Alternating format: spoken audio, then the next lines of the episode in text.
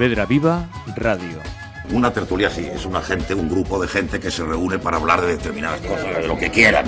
Puedo ser tu hermana, tu hija, Tamara, Pamela o Valentina. Yo puedo ser tu gran amiga, incluso tu compañera de vida. Yo puedo ser tu gran aliada, la que aconseja y la que apaña. Yo puedo ser cualquiera de todas, depende de cómo tú me apodas. Pero no voy a ser la que obedece porque mi cuerpo me pertenece. Yo decido de mi tiempo, como quiero y dónde quiero.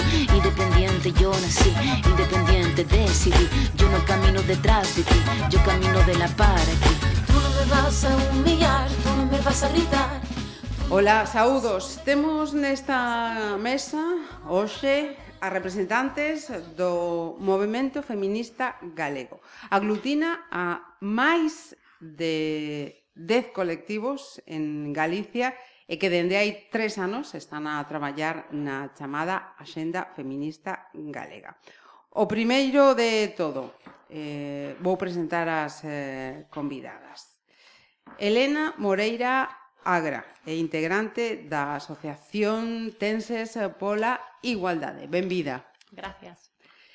De novo, unha vez máis, Carmen Cajide, presidenta da Regaia, Rede Galega pola Igualdade. Benvida. Hola, gracias. Eh, Rosa Arcos, presidenta de FADEMUR Galicia, Federación da Asociación de Mulleres Rurais en Galicia. Benvida eh, mm, por que non te escoito? Claro, ahora sí te escoito. Hola, ahora hola, boa sí, tarde. Agora sí, agora sí. É Cintia eh, Piña, integrante del colectivo feminista de Pontevedra. Benvida. Hola, boas tardes.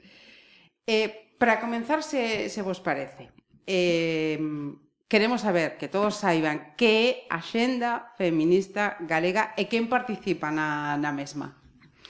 Bueno, a Xenda Feminista Galega é o resultado do traballo de, de das organizacións, das asociacións. Actualmente somos 12 asociacións as que estamos eh, en un tempo, en un espacio de debate conxunto. Non? Eh, fixemos hai tres anos e medio, cando foron as anteriores eleccións autonómicas, un documento de propostas para os partidos políticos para que tuveran en consideración a hora de elaborar os seus programas. E unha vez que pasaron esas eleccións, decidimos seguir traballando unha facendo a avaliación das políticas de igualdade que se iban desenvolvendo dende a Xunta de Galicia e dúas traballando eh, a través de encontros abordando de maneira intensa as distintas temáticas que recolle este documento para poder construir un consenso de cara a que chegado este momento no que estamos, unha nova convocatoria electoral, uh -huh pois poder poñerlle novamente aos partidos políticos encima da mesa as reivindicacións das organizacións que estamos en torno a este espacio, a este traballo en común, a esta maneira de, de debatir, de discutir, de aprender. Uh -huh. eh, mantense de, daquela primeira ocasión unha máxima mm, que si miráis a, as fotos desta charla que estamos a manter, eh, o levan tamén nas, nas camisetas. Se non conto, non te voto. Exactamente, nos o que queremos transmitirlle é que as mulleres temos prioridades, temos unha xenda, temos unhas demandas, temos unhas reivindicacións que somos quen, además de poñelas en un documento que, recoñecendo que pode ter eivas, entendemos que é un documento moi serio e traballado e un bo documento e que, se si non contan, con estas demandas que son as nosas, pois entonces non os votaremos, pero votaremos aquelas propostas que sí conten coas nosas demandas. En ningún caso queremos que isto se entenda como un chamamento a unha abstención, sino uh -huh. todo o contrario.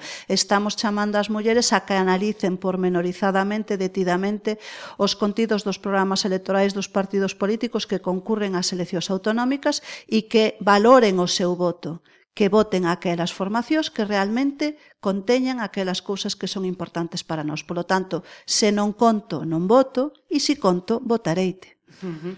Mira, eh, da, da xenda eh, feminista galeva que me preguntaba, eh, falabais de 12 colectivos, tamén eh, hai mm, profesionais eh, de moitos eh, ámbitos. Entendemos entón que son eh, propostas de todo tipo, ¿no? as que se incluen en esta xenda. Sí, ao longo do proceso intentamos contar con profesionais pois, que enriqueceran este, este documento, que enriqueceran o debate, para que, como ben decía Rosy, pois ao final conseguir un documento riguroso, con propostas eh, serias, e asumibles, porque son totalmente asumibles. Uh -huh. o, o, o que propoñemos vai na línea pois do, do feminismo, do, das da loita feminista, da nosa causa. Tampouco nos, é que nos desviemos, desviemos. da nosa, da nosa liña, pois incluso pois hai cuestións que penso que veñen desde o sufraxismo, o sea que eh, En canto a iso, pois intentamos contar, como decía, con profesionais de diferentes ámbitos, que aí o recollemos ao final do documento para que se saiba quen participou, e, bueno, pois ter en conta as súas propostas, porque sempre pensamos que así enriquece o, o documento. Sí que é certo que as organizacións que estamos en torno a este documento compartimos unhos consensos de partida eh, e é eso traballar especificamente arredor da axenda feminista, non mesturar outro tipo de reivindicacións que sendo absolutamente lexítimas entendemos que non forman parte da, da axenda feminista e dentro da axenda feminista todas as organizacións que compoñemos este espacio nos definimos como abolicionistas da prostitución, estamos en contra da pornografía e estamos en contra dos ventres de alugueiro porque entendemos que forman parte das violencias machistas que um, fórmula máis extrema además de violentar as mulleres. Polo tanto, sí que é certo que todas as organizacións que nos reunimos en torno a este documento partimos de unhos consensos, de un mm. tempo de coñecemento e traballo en común e que ese consenso radica en eso, en estar eh, eh, traballando exclusivamente alrededor da axenda feminista e con esos puntos en común de partida que é eh, contra totalmente da, da prostitución e dos ventres da lugar. Uh -huh. Eses puntos de partida son as 25, 25 prioridades. Uh -huh. Sí, evidentemente estas propostas eh, pois teñen que conlevar a infraestructura eh, para leválas a cabo, tamén propoñemos eh, contar coa infraestructura Eh, mm, necesaria tanto en personal como en, bueno, en recursos en, en xeral uh -huh. e para iso dota, teñen que ser dotadas de presuposto porque aí é onde está a IVA máis grande, mm, pensamos na, na Xunta de Galicia, uh -huh. que non conta Un con, orzamento con orzamentos adicado. exactamente, uh -huh. que, poi, que se poidan levar a cabo eh, as políticas eh, de igualdade entre mulleres e homes pois con, con rigorise, rigorosidade. Uh -huh. Porque eh, baseámonos nun, sí. nunha máxima que, que perdón, que eh, o que gritamos en todas as manifestación de menos discursos e máis recursos, uh -huh. que xa estamos mm, ben fartas de ver fotos con laciño de cor morado, na foto do Concello con un cartaz, mira que guai son, eu son super amigas feministas, pero feitos e non palabras, como dicían as sufraxistas. Uh -huh. Aquí hai que facer e para facer hai que poñer orzamento. Uh -huh eh, menos xestos e máis eh, feitos, non? Sí, por eso mm, propoñemos unha consellería específica, uns recursos eh, económicos suficientes, suficientes nunca van a ser, pero cando menos o 0,5% do orzamento consolidado da Xunta de Galicia eh, aparte de o que veña do, do Pacto de Estado. Uh -huh. Porque vemos que neste, nestes 4 anos pois eh, sigue exactamente igual.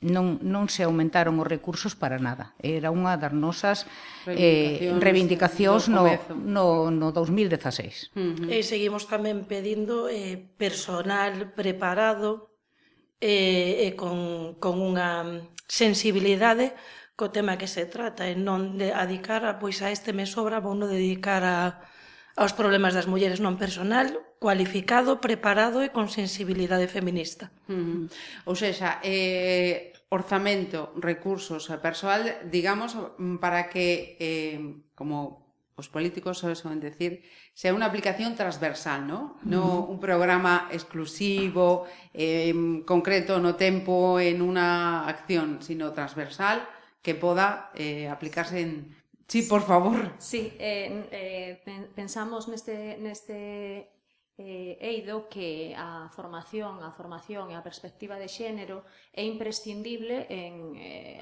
implementala en todos aqueles eh, ámbitos eh, que, que tratan tanto no xudicial como nos CINS, pero unha formación eh, de calidade, non unha formación eh, que quede meramente no papel, senón unha formación e unha perspectiva de xénero que eh, botámola moito en falta, esa formación non, que como disti, pedimos que eh, eh, eh vesen as nosas propostas que é unha petición transversal que abarca todos os eidos e todos os ámbitos que, que eh, en, to, sí, en todas as nosas propostas eh, a formación pensamos que está na base eh, das nosas reivindicacións. Mm. Porque eh, hai EIVAs, non hai personal eh, preparado ou a ver, non chega a onde ten que estar non.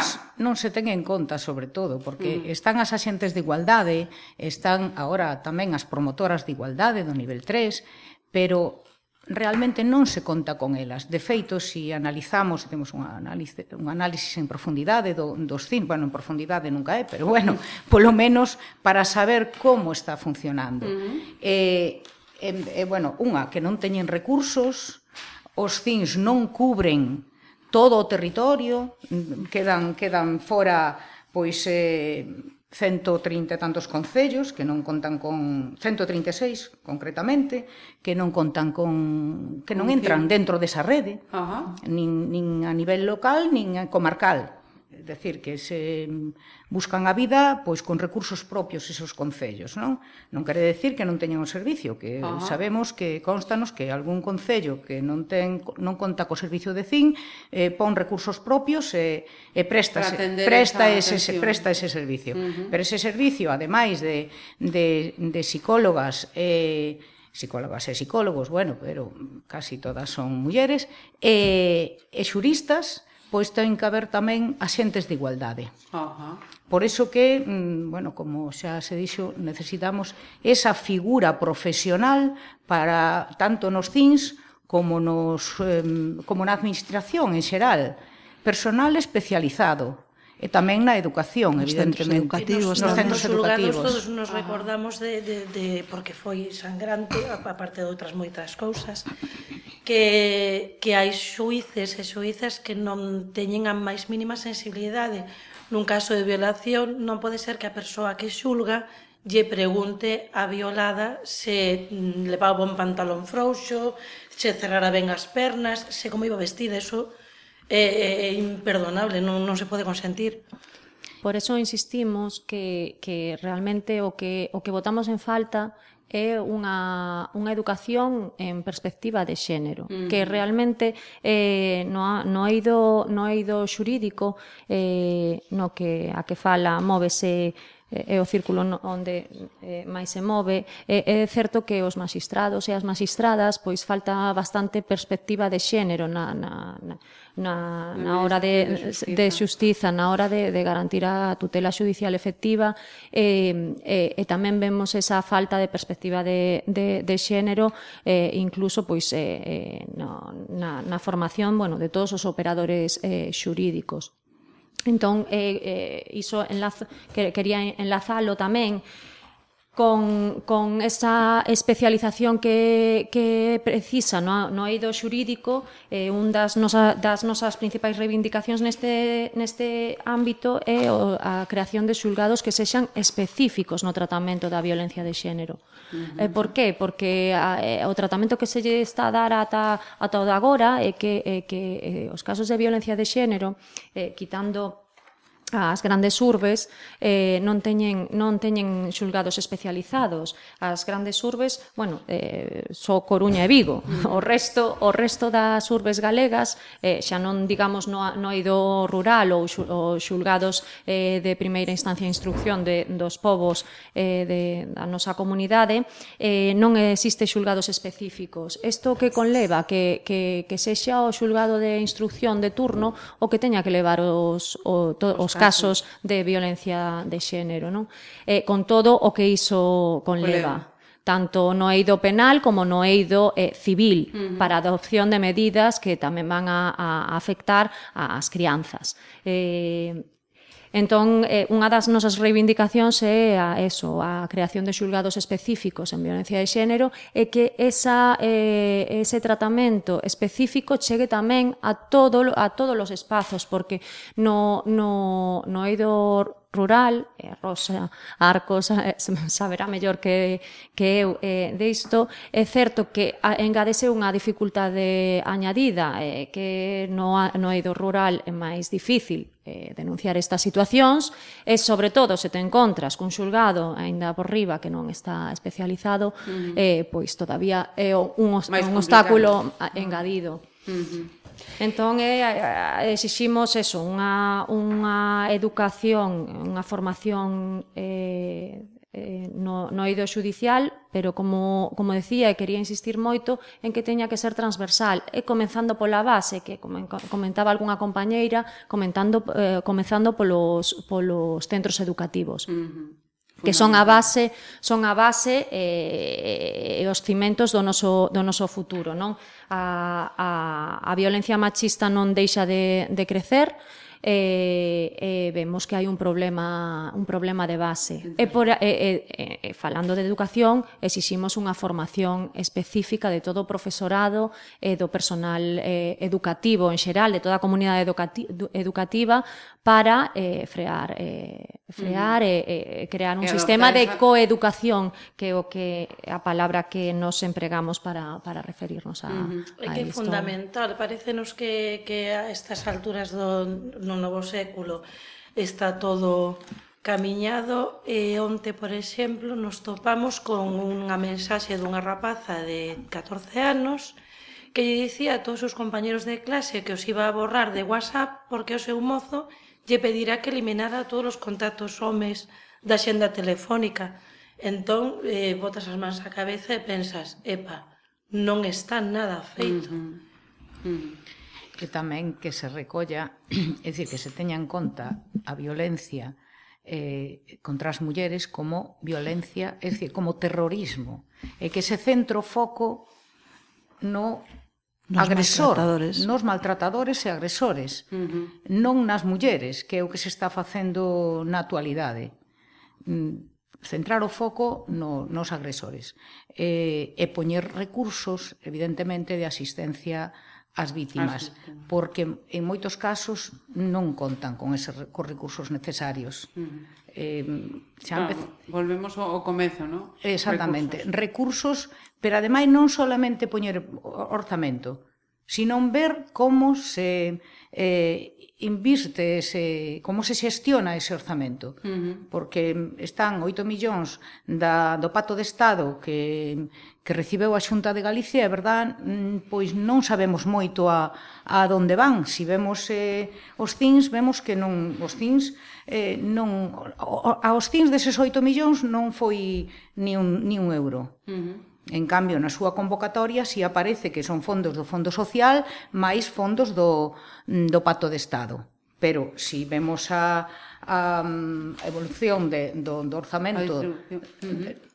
do, do, do, dos CINS, vemos que non hai incremento realmente. Uh -huh. Entonces, eh, bueno, pues a dónde van esos esos fondos? Unha maior transparencia da da xestión, non solamente a inversión, que por suposto, senón unha maior transparencia na xestión. Na xestión deses, sí, é, mm, é fundamental. Eh, falaba, o teña previsto eh, mm, que faláramos deses eh, destinatarios deste eh, documento. Eh, hai tres anos eh, houbo xuntanzas cos eh, responsables políticos. Sí. Como está a cousa neste momento? Sí. Bueno, hai tres anos solicitamos a reunión con todas as forzas políticas que, que se presentaban e decir que, que foi ben acollida a nosa campaña. Este ano volvimos a facer o mesmo, sí que é certo que isto de que nos convocaran as eleccións anticipadamente nos colle un poquinho apuradas tamén, Entonces, o que fixemos foi remitirlle o documento unha vez finalizado a todas as partidos políticos e solicitarlle reunión aos, aos, aos candidatos, candidatas que se presentan a, as eleccións autonómicas. Temos prevista xa dúas reunións para a semana que ven, cas dúas forzas políticas que en primeiro término nos respostaron, que foron o Partido dos Socialistas de Galicia e o Bloque Nacionalista Galego, están previstas para primeiros días da semana que ven. Eh, eh, eh, acusou o recibo da proposta o, o Partido Popular indicando que eh, pasaba o documento ás persoas que están facendo a redacción do documento de campaña e pasamos tamén con algo máis de tardanza a, ao grupo común porque bueno, estaba todavía pendente das súas primarias e polo tanto eh, estamos seguras, estamos certas de que nos van a recibir uh -huh. aínda que por motivos deles de da súa propia uh -huh. xenda pois non podemos contactar ao mesmo tempo que cas outras forzas políticas. En calquera caso, eh, nos vamos a, a facer esta é unha, unha parte da campaña. Mm, ter a oportunidade de en persona explicarlle aos principais líderes políticos as persoas que aspiran a gobernarnos cales son as nosas demandas. Pero outra parte da campaña tamén é interpelar a todas as mulleres, interpelar a poboación porque as mulleres en primeiro término, pero tamén aquelas persoas que entendan que a igualdade e que o feminismo que, que, que ten que estar en riba da mm. mesa, por eso tamén a outra parte do noso lema deste ano se dice é tempo das mulleres, mm. porque entendemos que esta legislatura, igual que a do a esta que acaba de terminar, o presidente da Xunta denominou a legislatura do rural, no que eu a mellor tendría moito que decir, pero hoxe non é o día. Pero esta esta nos gustaría que se denominara a legislatura das mulleres, por eso pensamos que é tempo das mulleres e tamén pensamos que debemos interpelar a toda a poboación que ten a responsabilidade de decidir que nos vai a gobernar os vindeiros 4 anos a que que revise mm. esos programas electorales, que revise a presencia ou a ausencia das mulleres das mensaxes feministas e, e que o revise de maneira crítica porque mm, ao fío do que estaban falando todas as compañeiras eh, É evidente que para nós a loita contra a violencia de xénero está en primeiro término, eh, pero eso non se pode facer sin orzamentos, non se pode facer sin profesionalización, non se pode facer sin recursos, pero tamén eh, non se pode facer distinguindo eh, de maneiras eh, eufemísticas que é violencia e que non o é. Uh -huh. eh, mercantilizar os corpos das mulleres, sexualizar os corpos das mulleres, alugar os corpos das mulleres, pagar por alquilar os corpos das mulleres, mulleres. Eso tamén é violencia. E todas as organizacións eh, políticas que se presenten o deberían de ter claro, polo menos nós así o vamos a manifestar, e tamén aquelas persoas que, que consideren que algunha destas cuestións non é violencia e o podría denominar con outro tipo de adxetivo, pois que tamén pense se lle gustaría ser o suxeto directo dese, desa frase. Uh -huh. Cando decimos pois que a prostitución non é violencia, eu invito a que calquer persona que enuncie que a prostitución non é violencia, que se vexa na situación de estar prostituída como un traballo. Uh -huh. Eu creo que é absolutamente eufemístico e perverso denominalo así.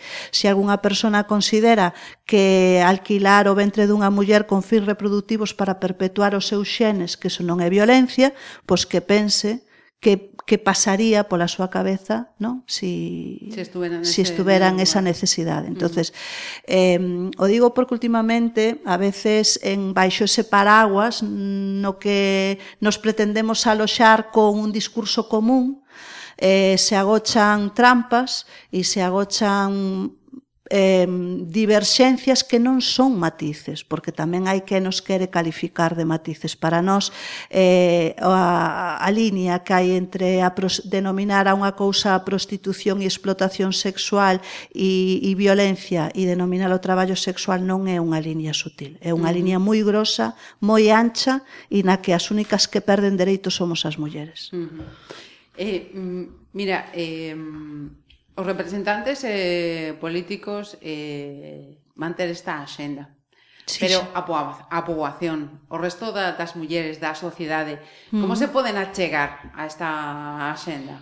Eh, a axenda temos eh, abrimos un perfil de Facebook e un perfil de Twitter, isto que é o que se utiliza agora para chegar a todo o mundo cando un quere eh, poñerse en órbita, non? Antes se facía de outras maneiras, pero ahora son as redes sociais. Temos un espacio virtual que se chama Núcleo Feminista de Galicia, Eh, se nos pode atopar en Facebook eh, como con esa denominación Núcleo Feminista de Galicia e aí está colgado íntegramente o documento e é o perfil que vamos a utilizar para facer a nosa campaña tamén. En calquera caso, está este documento o firmamos eh, a Federación de Asociacións de Mulleres Rurais, a Rede Galega pola Igualdade, o Foro Maruxa Mayo, a Sociedade Galega de Sexoloxía, Teenses pola Igualdade, a Asociación Profesional de Axentes de Igualdade de Oportunidades oportunidades, a Asociación O Soño de Lilith, o Colectivo Feminista de Pontevedra, a Rede de Mulleres contra os Malos Tratos de Vigo, o Comando Igualdade, Mulleres Viúvas Democráticas de Vigo e se acaba de sumar a Asociación de Centros de Información ás Mulleres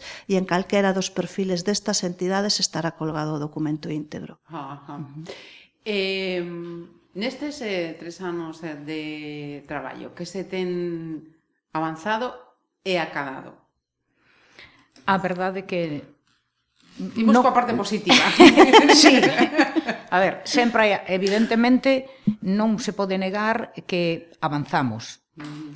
E avanzamos sobre todo pola nosa loita, pola loita, pola loita feminista porque moitas veces eh, temos que estar na rúa reivindicando. De feito, eh, este documento, mm, pois, eh, reivindicacións que facemos aquí, vamos a estar tamén o día 8, e o día, vamos, toda esta sí. semana, eh, vamos a estar facendo as reivindicacións eh, na rúa, xa que é unha oportunidade tamén para estar. Eu penso que as institucións van un pouco a, a rebufo do que nos exiximos. Uh -huh. Ou eso é o que é o que vemos. Por eso nos vemos na obriga de volver a insistir. De feito, moitas das propostas xa son as mismas do, do 2016, pero facemos as mismas porque non se levaron a cabo. Uh -huh. Mm. Pero si sí é verdad que algunhas sí, e vamos, e vamos avanzando. De feito, bueno, pois eh, vas ao pato de Estado, pois eh, a formación mm, por dos exemplo, dos equipos jurídicos. dos axentes jurídicos, e xa se está empezando, empezando a levar a cabo. Eh, e bueno, algunha formación tamén eh, dende a Xunta de Galicia tamén se está levando a cabo eh, dende, dende outras institucións como a Diputación de Pontevedra e outras institucións, incluso locais tamén bueno, Diputación tamén é local pero eh, desde as institucións locais Ajá. en xeral pois vemos que sí, que xa se están levando, levando a cabo eh, sobre todo mm, accións de, de formación e dinamización uh -huh. que é moi importante tamén porque temos que levar Paralelamente, o traballo na rúa, é dicir, a dinamización, porque é moi importante que a, que a poboación este sensibilizada eh, bueno, pois, pola loita do, dos dereitos das mulleres. Uh -huh. de que sa, se sai, porque a veces é que non se loita porque tampouco se sabe das discriminacións. Eh, temos que chegar a, a xente para que saiba pois eh, que teña esa esa sensibilización de acompañarnos e de feito eh, agora se ve no, no, os, desde fai tres anos para cá eh, as rúas están cheas de, de xente nas movilizacións e nas concentracións. Xa non estamos soas est uh -huh. vemos que sí, sí se avanza. Pero insisto penso que se avanza tamén mm, sobre todo pola, pola loita na rúa por, por, por eso, por, por... porque temos unha presencia constante. O que buscamos é que cada votante, sobre todo as mulleres votantes, se cuestionen as cousas e non pois eh, eh, votar o partido como hooligans. Eu son do Madrid, eu son do Madrid sempre, voto Madrid porque o Real Madrid é o Real Madrid. Non. Se o meu partido está defendendo unhas cousas que eu considero que non son feministas, teño que ser crítica, cuestionarme, preguntar, matizar, saber o porqué, a donde me levan as cousas que, que se propoñen, eh, e, eh, é algo fundamental que temos que facer, non, non baixar a guardia, porque, como comentaba antes, pensando que, bueno, xa mm. estamos no 2020, está todo feito, atopámonos con auténticas eh, barbaridades, como, mira, un dos temas dos que, do, que tratamos nunha das xuntanzas que tivemos, foi sobre a saúde, veu unha enfermeira a falarnos de saúde con perspectiva de xénero, e atopamos uh -huh. que hai moitas enfermedades que dan uns síntomas completamente diferentes en homes que en mulleres, e que as mulleres a mínima que temos un problemiña é ansiolíticos. Uh -huh. Todo é estrés, toda ansiedade, estrés, ansiedade, pastillas para dormir, pastillas para relaxar, atopámonos con que cada muller que di, ai, que me levanto pola mañan estou cansadísima, non podo co corpo, va, estrés. E resulta que o que subxace de fondo é un problema de, de tiroides. Ou de... de tiroides. Ah, pero non se vai a buscar. Sin embargo, chega o señor con estou cansadísimo e 50.000 probas. É o mesmo, nós sempre temos problemas psicolóxicos e de estrese e de cansancio. E, e non nos cuestionamos esas cousas. O, o, o, máis, o caso máis sangrante e que máis asusta é que un infarto eh, hai máis homes que teñen infartos que mulleres, que mulleres. pero, sin embargo, morren, morren máis mulleres, mulleres que homes. Que homes. Por qué? Porque non se detecta o infarto, porque o protocolo que hai é sobre uh, os síntomas que dan en homes. E unha muller que está tendo un proceso de infarto non sabe que o está tendo. E como iso en moitísimas cousas, Nes... toda a, fa a farmacéutica está agora se avanza, pero está aprobada en homes, unha aspirina non me fai o mesmo a min que lle fai o teu compañeiro, Eh, e, e moitísimo, hai que cuestionarse todo. Nunca nunca vais a guardia. Nese sentido pedimos un, un plan específico de saúde para as mulleres, que de feito xa houbo un, pero bueno, desapareceu. Entonces, o que pedimos é un plan eh, que simplemente un plan de saúde para as mulleres, un plan específico Ajá. Mm, Ese é unha das, precisamente unha das propostas. O que tratamos neste, neste longo proceso de traballo é de ter en conta os diferentes ámbitos, non? tamén o da pesca, a, a situación da muller nos diferentes ámbitos, para tratar de facer propostas eh, bueno, pois eh, coherentes eh, en base ás súas necesidades. Non? Uh -huh porque cada sector ten as súas necesidades eh, sí, específicas, sí, sí, sí, eh, sí, sí. sufre as súas discriminacións eh, mm. específicas tamén as mulleres. Entonces, o sea, que sobre tamén... todo non falar por ningunha, mm. pedir, se si vamos a falar de pesca, temos que falar coas mulleres pescadoras. Mm, exacto. Se imos falar do agro, traballo de campo, sí. pormenorizado, detallado, claro, para detectar un, e saber. É un traballo amplio onde puxemos o foco na violencia porque é algo que nos atravesa en todos os sectores, pero falamos de, de mulleres eh, no ámbito da xusticia, falamos de mulleres no ámbito da educación, falamos da saúde, falamos do rural, falamos do mar, familiar, falamos das pensións, falamos das prestacións, falamos do emprego, quero dicir, foron tres anos de traballo donde fixemos xornadas cada ano con dous, tres temas monográficos aos que tentamos de invitar a personas con un saber, con un prestixio, con un coñecemento e con un análisis feita dende a perspectiva de xénero. Tamén falamos que as mulleres nos medios de comunicación Exacto. e foi unha xornada certamente interesante e unha das nosas propostas tamén ten que ver co tratamento, por exemplo, da violencia de xénero dende os medios de comunicación e con eso que decía Carmen antes de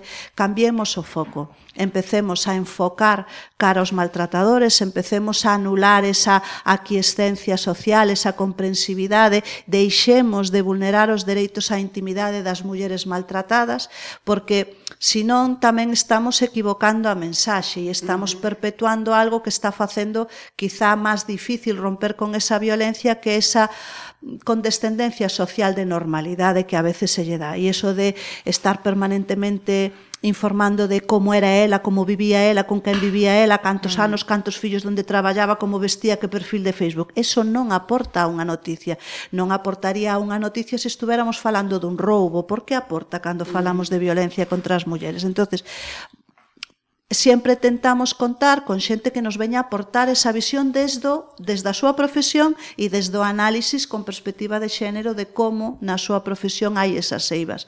E creemos que eso que nos faltaron temas por abordar, de feito tiñamos intención de abordar algún máis antes das eleccións, pero se adiantaron.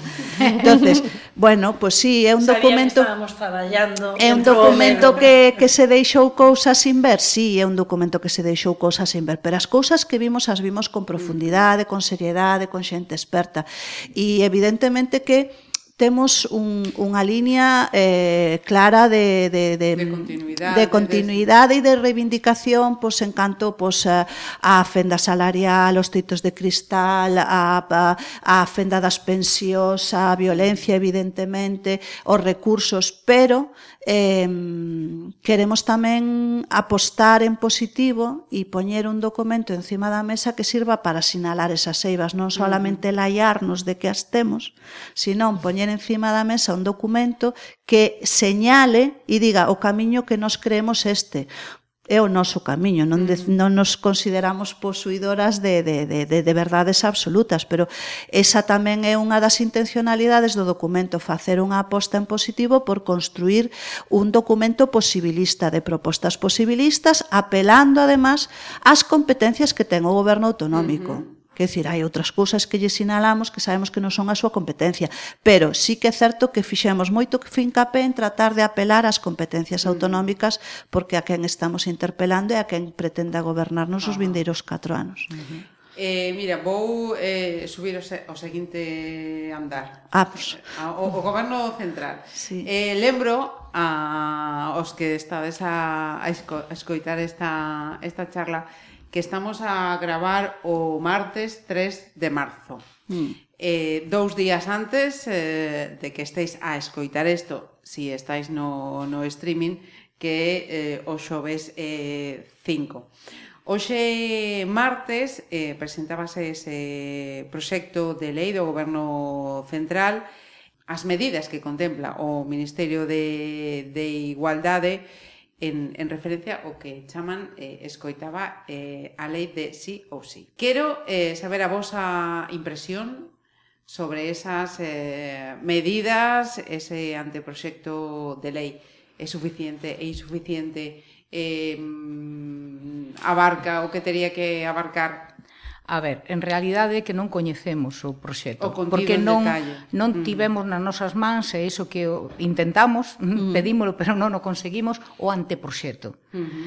Para, bueno, sabemos que agora xa teñen un proxecto, pero nós non coñecemos o anteproxecto. Entonces, mm, o que sí que sabemos, e o que xa temos berrado nas, nas rúas, é para que, dunha vez por todas, pois, eh, teñan en conta o convenio de Estambul, por exemplo, que, bueno, polo que dixeron os medios de comunicación, que o de si é si non é outra cousa máis que exixir o, o sea, o consentemento, de, uh -huh. exixir no, que teñan que se teñan en conta uh -huh. o consentemento da da muller, que hasta ahora non se tiña, estaba establecido no convenio de Estambul.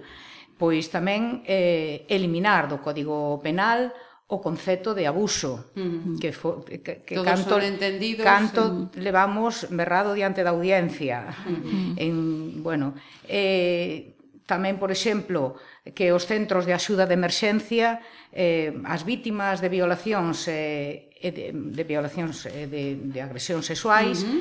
eh, bueno, pois eh, se poñan os centros a, un, se crea unha rede apropiada porque ahora mismo realmente non a hai non existe na nosa comunidade autónoma non existe, pero pensamos que tampouco mm, no resto, non, non, non sei. Na nosa desde logo non, non existe.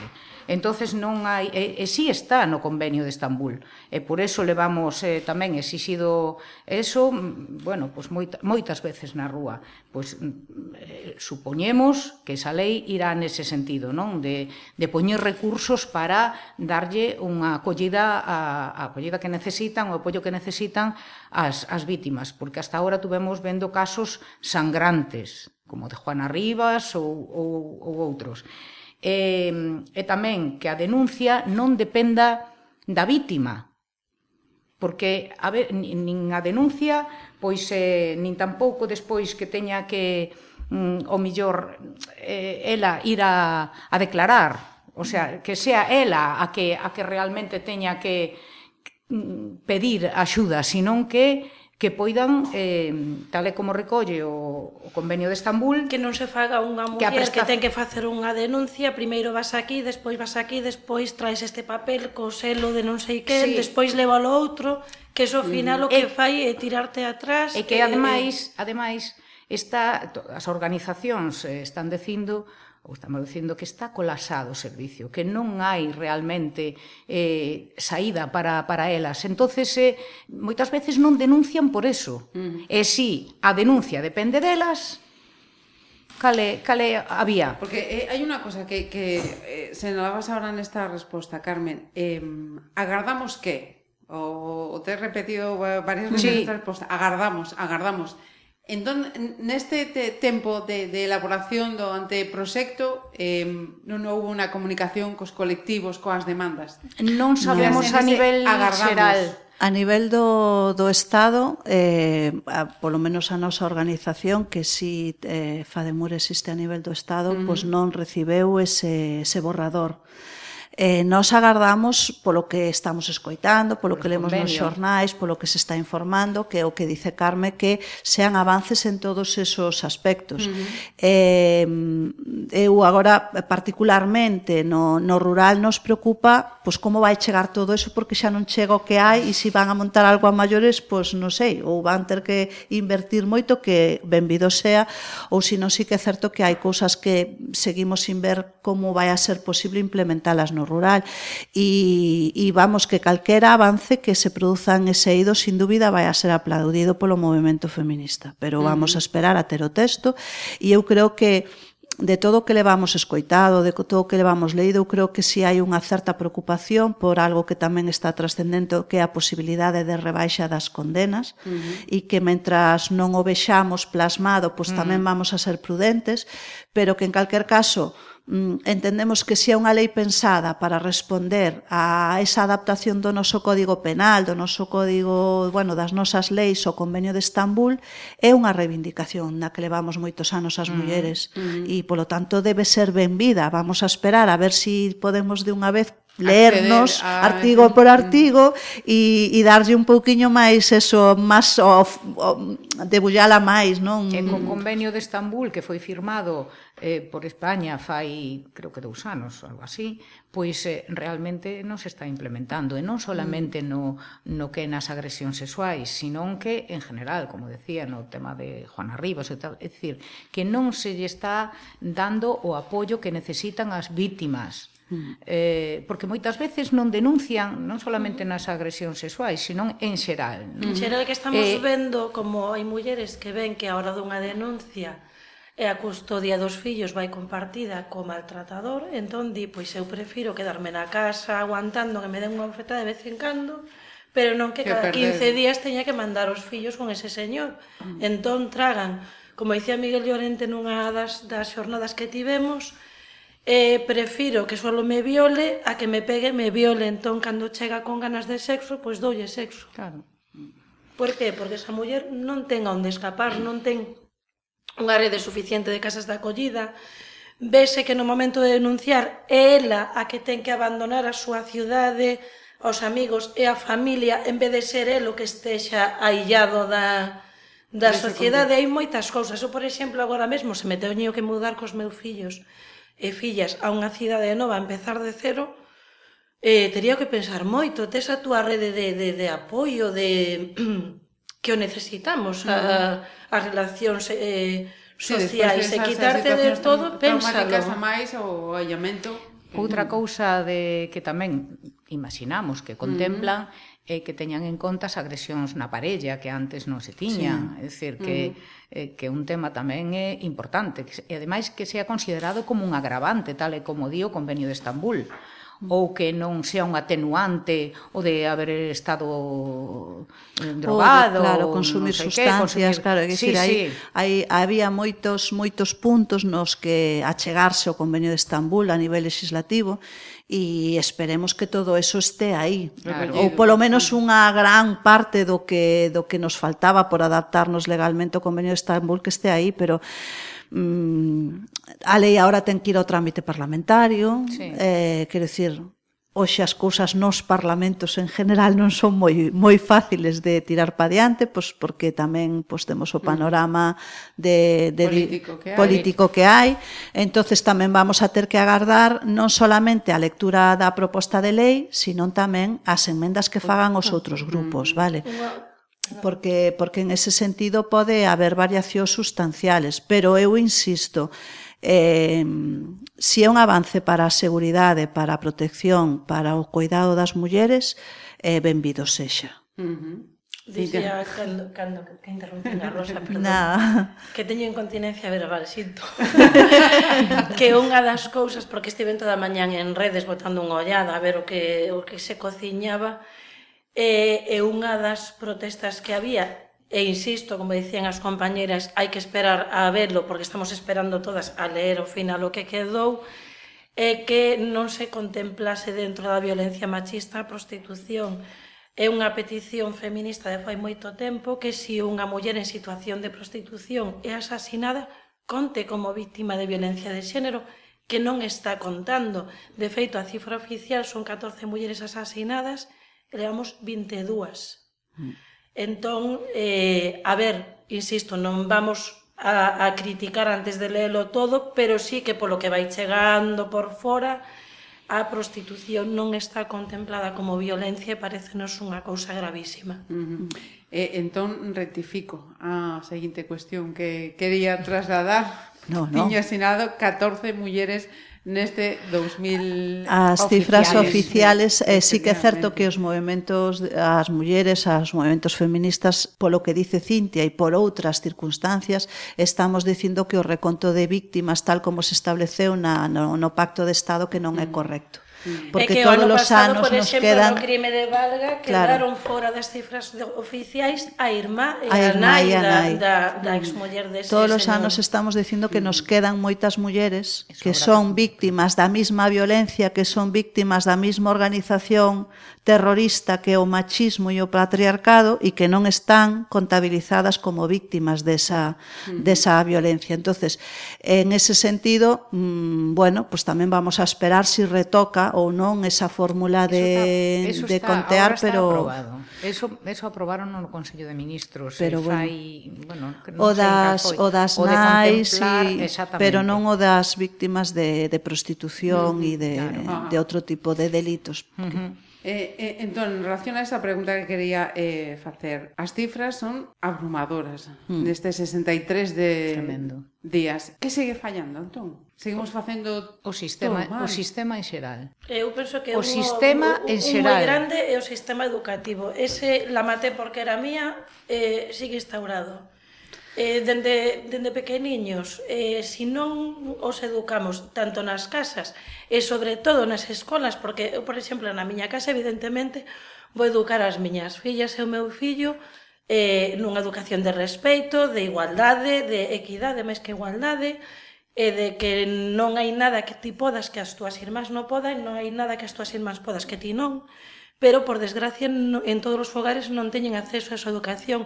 Entón é aí onde a escola ten que dar unha formación en que si María pode subir ás árbores, Juan pode subir ás árbores e si María xoga con bonecas, Juan pode xogar con bonecas, que se si María quere ir aí ti non tes por que impedirlo, se si Juan ten aí non tes por que impedirlo, que non hai portas que estexan pechadas por ser un home ou ser unha muller.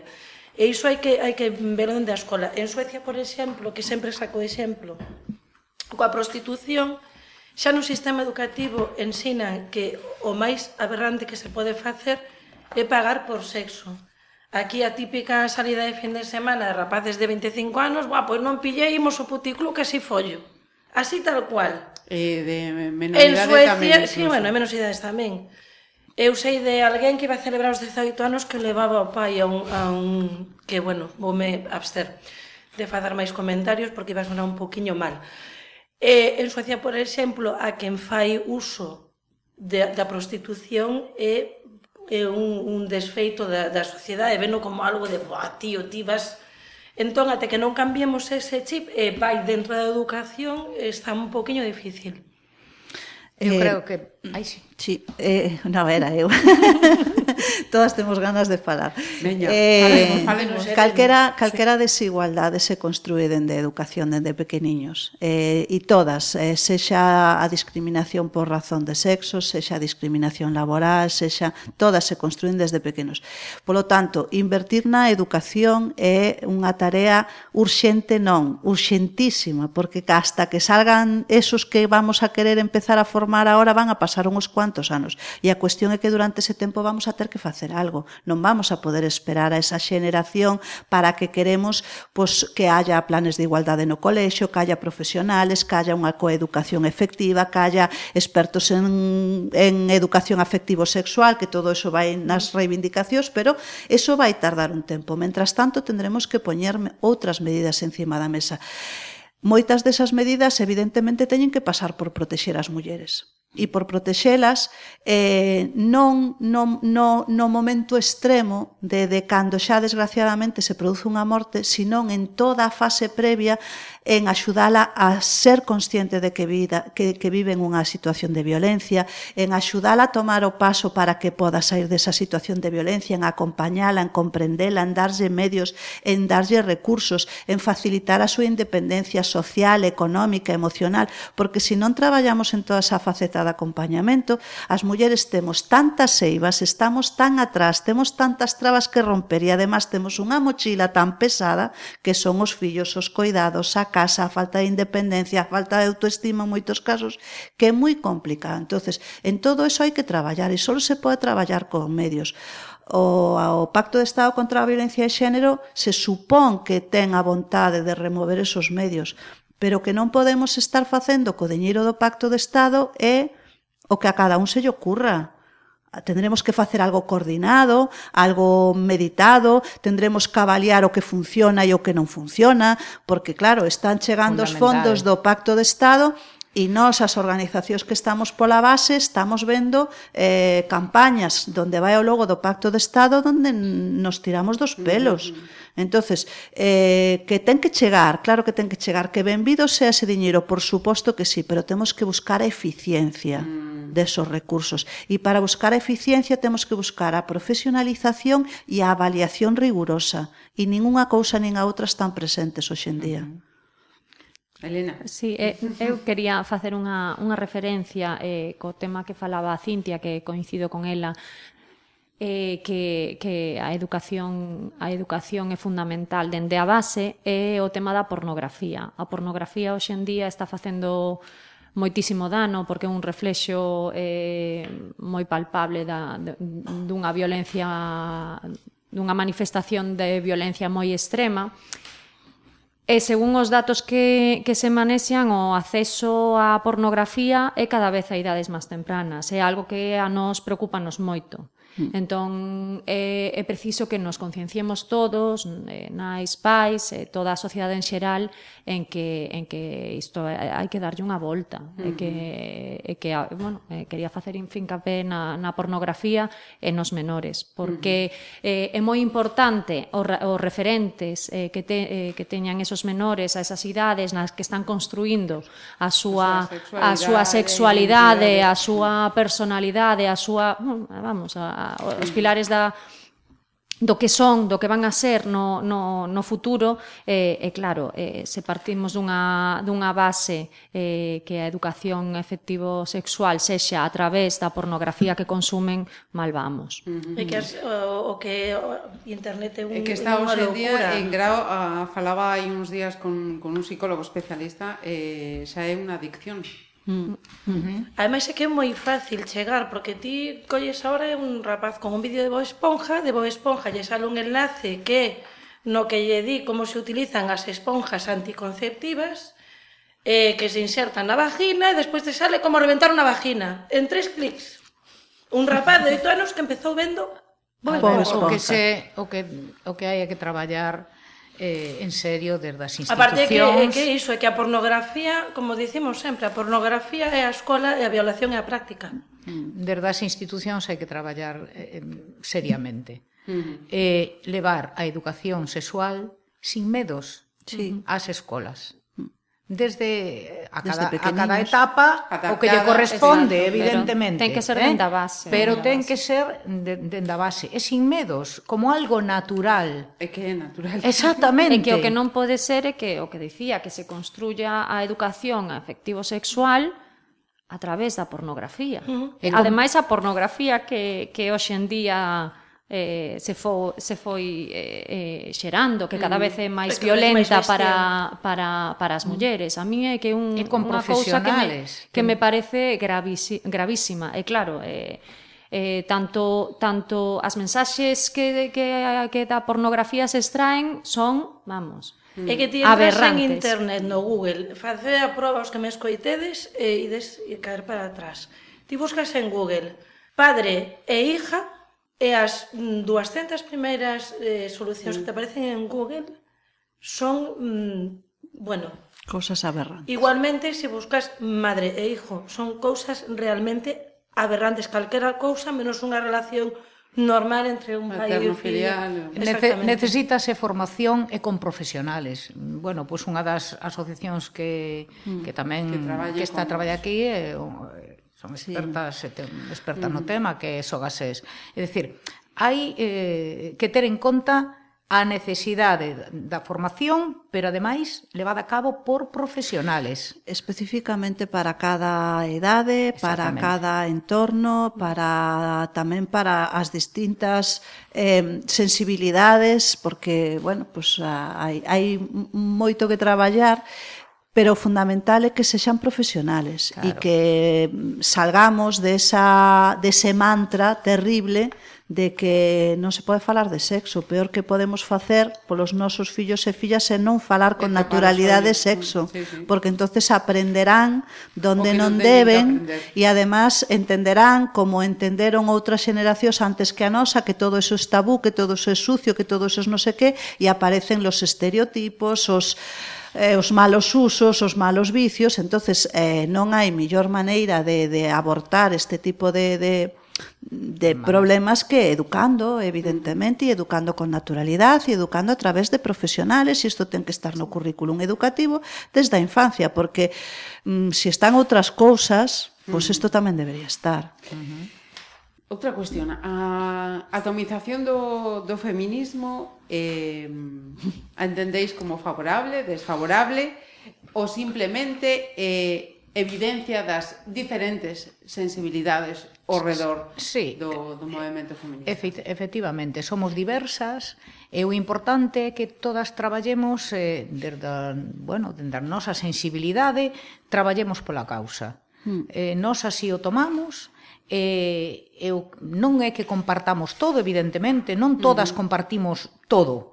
Eso está claro, pero si sí todas compartimos o da loita eh feminista, eh? O que o, o sea, romper eh co patriarcado, eh romper cas discriminacións eh e traballar polos dereitos das mulleres. Eu penso que eso sí que o compartimos eh, eh todas. Outra cousa é que despois teñamos diferentes formas de leválo a cabo.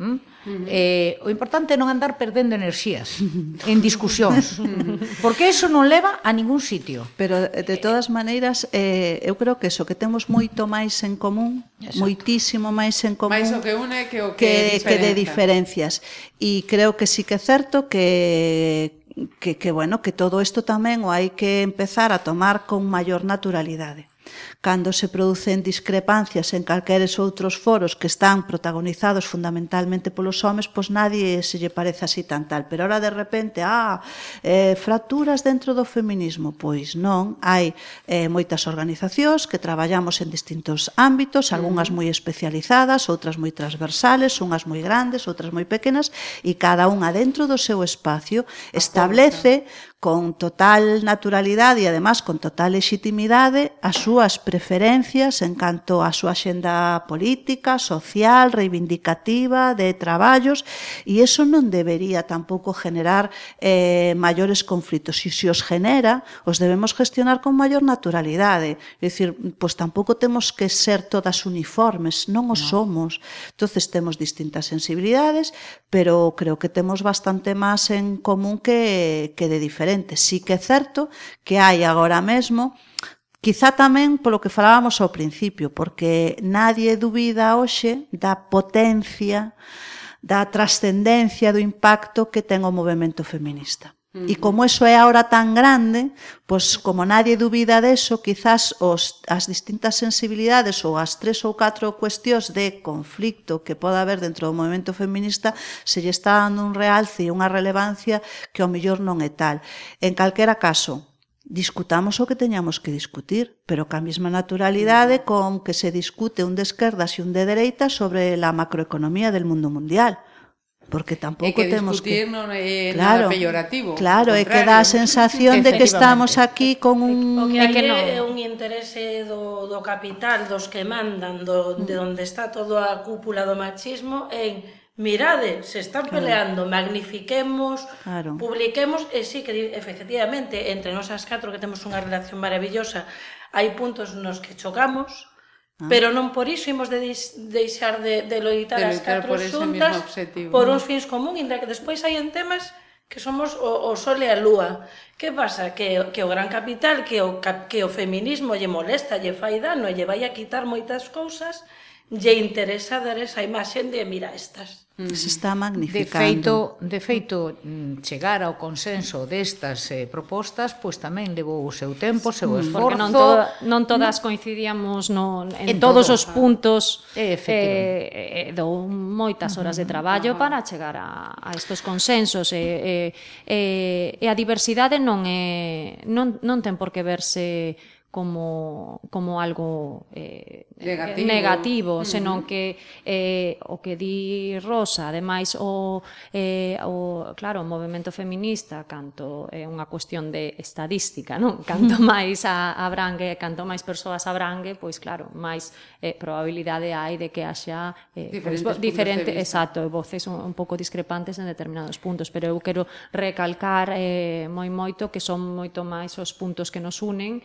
e eh, que son a base eh, eh que os que nos diferencian diferencian eh, e non, non debemos de caer na, no erro de, de que de, de que esas eh, diferenzas eh, pois fagan se, se entenda como algo eso negativo, negativo e eh, claro, é eh, que se poña o foco eh, tan só neso, nesas diferencias. Non queremos que, darlle máis máis que, bombo ao tema eh, mm. eh, por ese por ese motivo. E hai intereses porque, creados, claro, non por eso non queremos non queremos eh, darlle máis bombo a esas diferencias porque hai moitos intereses creados en torno a elas. Hai intereses perdona. creados eh, en que o feminismo rompa, está clarísimo, mm. e sabémolo.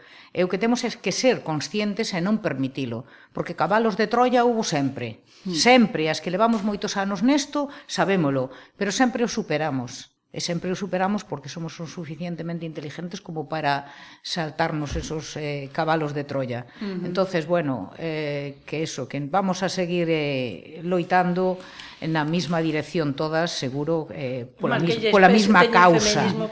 Pola mesma causa. Sí.